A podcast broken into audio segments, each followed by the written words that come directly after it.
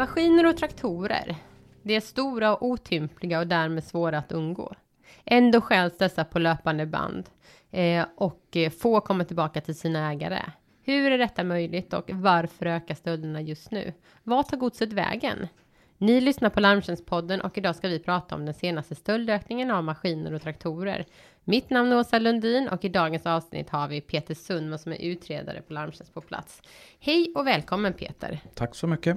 Eh, du har varit med tidigare i podden, men om det är så att våra lyssnare inte har hört det så kanske du bara kort kan presentera dig. Mm. Eh, I botten är jag polis och jobbar 24 år i Stockholm som polis då och eh, jag har jobbat sex år i försäkringsbranschen varav tre år då på larmtjänst. Mm. Eh, och här på larmtjänst så har ju du också lite extra ansvar för just eh, traktor och maskinstölder. Eh, och som jag nämnde precis här inledningsvis så ökar ju stölderna just nu av den här typen av, ja, men av maskiner och traktorer och typen av fordon. Eh, kan du ge oss bara en liten bild av hur det ser ut? Mm. Eh, tyvärr då så har vi sett en ökning då i år från 1 januari till mitten av november. Det, vi sorterar ju upp de här två i två kategorier kan man säga, jordbrukstraktorer och entreprenadmaskiner. Och eh, på jordbrukssidan då, traktorerna har ökat från 50 förra året, samma period, till 72 i år. Eh, och på entreprenadsidan så har vi sett en ökning från 5, 150 maskiner till 169 maskiner. Eh, jag ska väl säga också att i den här statistiken så finns det nog ett stort mörkertal tyvärr också. Mm -hmm. För att? Eh, det är eh, ofta så i och med att det här är oregistrerat gods. Så eh, ibland är det så att maskinägare inte har riktigt koll på vad det är för maskiner och det blir en eh, diff mellan det bolaget har och det som rapporteras in till oss. Så att jag tror det finns ett visst mörkertal här också. Ja. Men varför, eh, du nämner här att är siffror som talar på och visar att det faktiskt ökar. Varför, varför ökar det stölderna? Eh, det vi ser i jämförelse med övrig brottslighet också eh, och över tid och eh, är att på höstarna ökar brottsligheten generellt och det ser vi även på reservdelsstölderna på bilar. Båtmotorer har ökat under hösten också. Och det följer egentligen en trend som vi har sett över åren också. Mm. Att mm. På höstarna ökar stölderna generellt och sen lugnar det ner sig lite över jul och nyår och så kommer det igång igen under våren. Mm. Och sen blir det lugnare på sommaren och det följer egentligen trenden. Mm. Eh, någon specifika just nu kan vi inte säga eller peka ut faktiskt. Nej. Eh, vad, eh, men vad är det, om vi tittar på, vad, på de här maskiner och traktorerna, detta är ju ändå stora saker, stora fordon som stjäls. Eh, vad, vad är det för typ av maskiner eller traktorer som, som stjäls? Är det någonting som är kanske lite mer eftertraktat än något annat? Mm.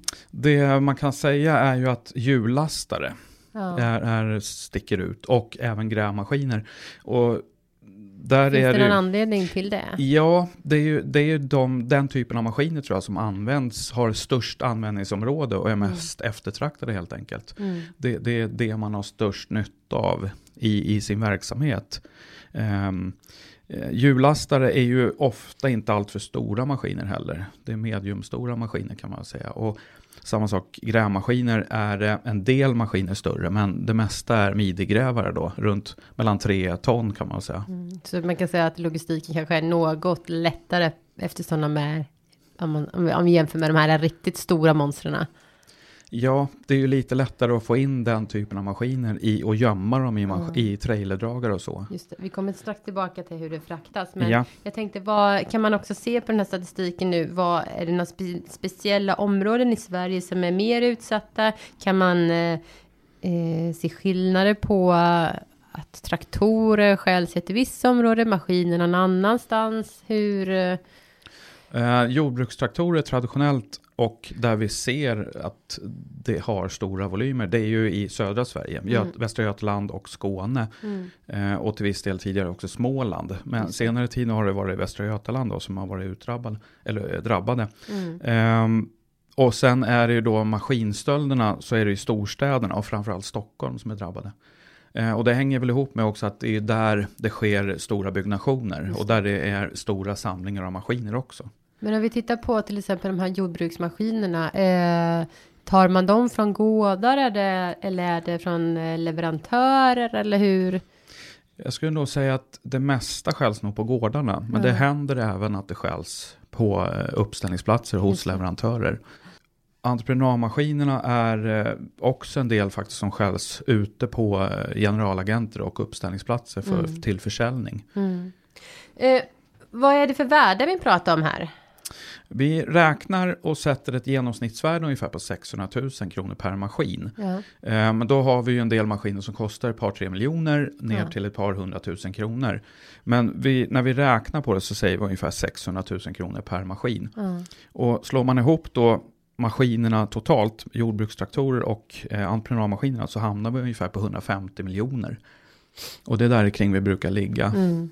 Eh, höga summor. Ja, det är det verkligen. Vad... Eh, du var inne på det tidigare att eh, de här mellanstora maskinerna är lättare att kanske få på en trailer etc. Hur, hur stjäl man maskinerna egentligen? Hur fraktas de? Eh, där har vi egentligen ett problem. Ja. Därför att de här maskinerna idag är ju eh, inte stöldspärrade. Du, man kan alltså köra dem med väldigt enkla medel. Du kan köpa en nyckel idag på, till ett fabrikat och köra i stort sett alla maskiner. De, Det- de är inte utrustade med stöldspärrar. Som eh, bilar, personbilar till exempel? Nej, där har du ju en lag då sedan 95-96 med immobilizer i bilen. Mm. Men eh, så att det man kan säga är väl att de är alldeles för lätta att stjäla till att börja med. Mm. Sen vad det gäller hur man för ut dem så är det ju, man har logistikkedjor klara för det här med trailerdragare som man lastar upp dem på. Eh, och eh, då går de ut ganska dolt. Men det händer ju även då att man beställer helt öppna maskintransporter. Mm. Ehm, och eh, kör ut dem helt enkelt ur landet på eh, hamnar eller via bron. För detta är ändå en fråga som, som ofta kommer in eh, genom våra sociala medier. Att hur är det möjligt att de här maskinerna kan stjälas när de är så stora, de är så otympliga? Någon borde väl ha sett någonting. Eh, Det är ju inte ovanligt att det transporteras maskiner Nej. på vägar. Eh, Och de här till viss del drunknar ju i den mängden. Men sen är det ju också ehm, att det sker ju ingen kontroll vid gränserna ut ur landet. Nej. Så att upptäcktsrisken är ju ganska låg Mm. vad det gäller eh, när man får ut den här typen av gods. Eh, och jag skulle vilja säga att det gäller även båtmotorer och annan typ av stöldgods också. Mm. Så att det drunknar i mängden kan man säga. Men vart... Det, det är, tittar man på andelen som kommer tillbaka så är det ju en liten del som faktiskt kommer tillbaka. Ja, tyvärr. Och den andelen sjunker ju. Eh, vi ser ju en, en klart minskad eh, anträffande procent. Ja. Att vi, vi anträffar färre och färre maskiner tyvärr. Vad beror det på? Eh, förmodligen är det så att de här, eh, vi, vi antar ju att det är ligor som är här och stjäl alla de här maskinerna i stort sett. Mm. Och de blir ju duktigare och duktigare också på det de gör. Eh, så att man, man eh, döljer det bättre och man, man är duktigare på att undanskaffa maskinerna verkar det som. Du var inne på det, det var ligor. Eh, för vart, vart kan man tänkas att eh, godset tas vägen? Det, det stannar inte i Sverige helt enkelt. Eh, en liten, liten andel stannar nog här. Eh, och görs om identiteterna på här också. Mm. Men jag skulle nog säga att det stora flertalet och det vi kan se utifrån det informationen vi får från polisen och eh, det som tas i beslag så är det i utlandet. Och då är det ju framförallt två egentligen länder som sticker ut där man har gjort beslag och där vi får information från polisen att man har gjort beslag. Och då, då är det Polen och Litauen. Men eh, är detta själva landet de, eh, kan man utgå från att detta är själva landet som, man, som är själva slutlandet eller är detta någon form av transitländer eller?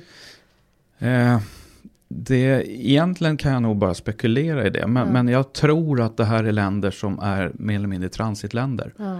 Där man då i sin tur skeppar det vidare ut till någon form av slutanvändare i, i, i ett annat land. Ja, andra delar av världen till Ja, och med kanske, inte ja. bara Europa. Nej, Eh, hur jobbar eh, försäkringsbranschen mot stölderna?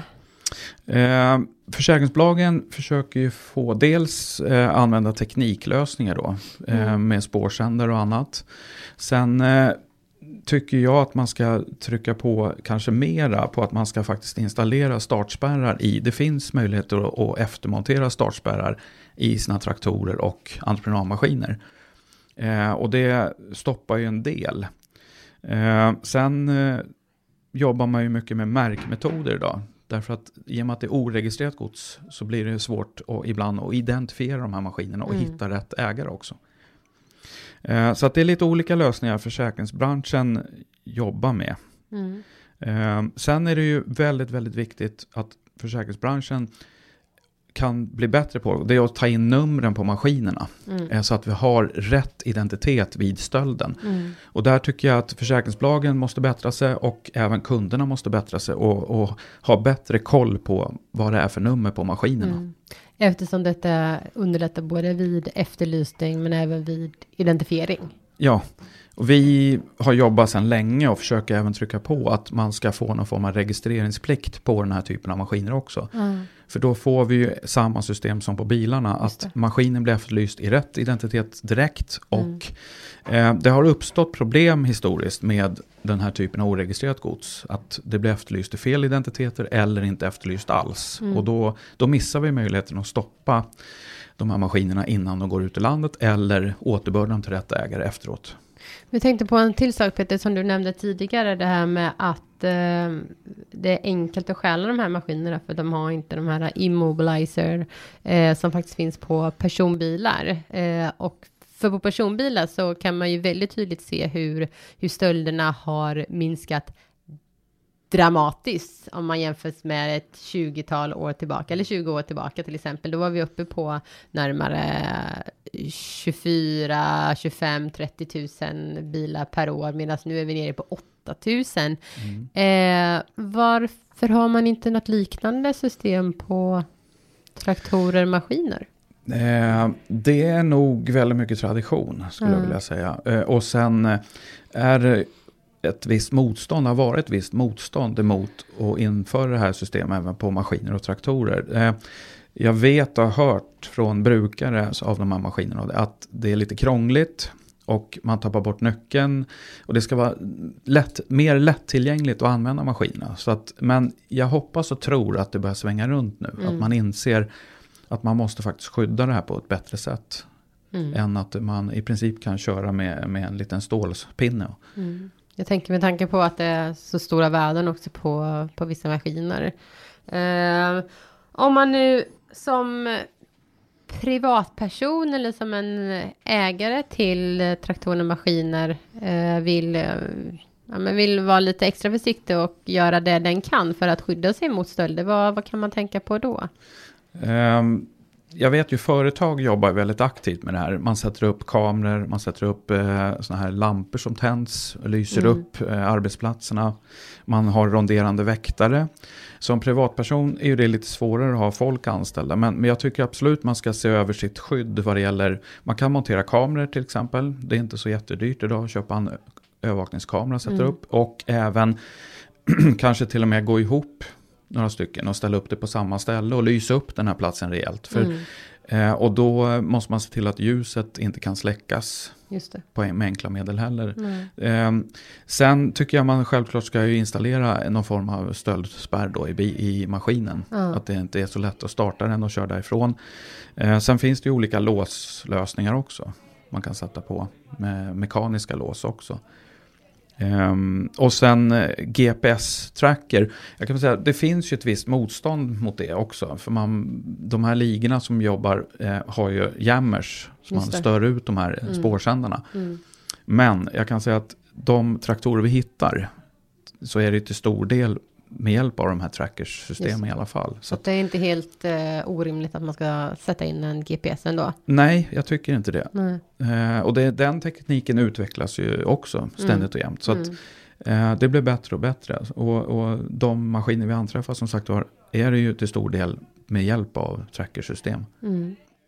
Eh, och sen kanske också just det här som du tidigare nämnde med nummer. Ja, det är oerhört viktigt att maskinen blir efterlyst i korrekt nummer. Mm. Eh, dels i det svenska efterlysningssystemet hos polisen. Men sen finns det ju även ett system som heter SIS som är kopplat till polisen. Det är ju Schengen Information System. Mm. Och blir maskinen inte korrekt efterlyst i det systemet så kommer eh, det finns en stor risk att maskinen inte tas i beslag i utlandet om den anträffas. Om För att in- den inte har rätt nummer. Nej, är den inte korrekt efterlyst i rätt nummer Mm. så kommer inte utländska myndigheter att ta den i beslag. Och då kan vi inte få tillbaka maskinen till Sverige heller. Viktigt att ha koll på sina papper och sina nummer helt enkelt. Jajamän. Och även föra in, ja, även anmäla detta till både polis men försäkringsbolag också. Jajamensan. Mm. Eh, Peter, är det något annat som du skulle vilja eh, ta upp eller nämna när vi pratar om maskiner, traktorer innan vi avslutar? Nå, en sak bara. Eh, Vi har ju sett senaste tiden nu, både vad det gäller bilstölder och eh, vid inbrott framförallt, så har det ju har tyvärr blivit så att eh, våldet har eskalerat lite grann från de här tjuvarna. Och vi vet ju inte vilka det är som utför den här typen av stölder exakt, men jag tycker man ska vara försiktig. Mm. Eh, ring polisen om du, och gör iakttagelser och dokumentera, men ring till polisen om du ser någonting. Man får vara försiktig, man vet aldrig vem det är man har att göra med helt enkelt. Nej, Eh, bra, bra slutligt tips. Eh, ni har hört Larmtjänstpodden som är en podd från Larmtjänst som är en branschorganisation för sakförsäkringsbolagen med syfte att bekämpa försäkringsrelaterad brottslighet. Dagens gäst var Peter Sudman och jag heter Åsa Lundin. Dela gärna podden i alla era sociala kanaler så tackar jag för att ni lyssnade och hoppas att vi hörs igen. Tack!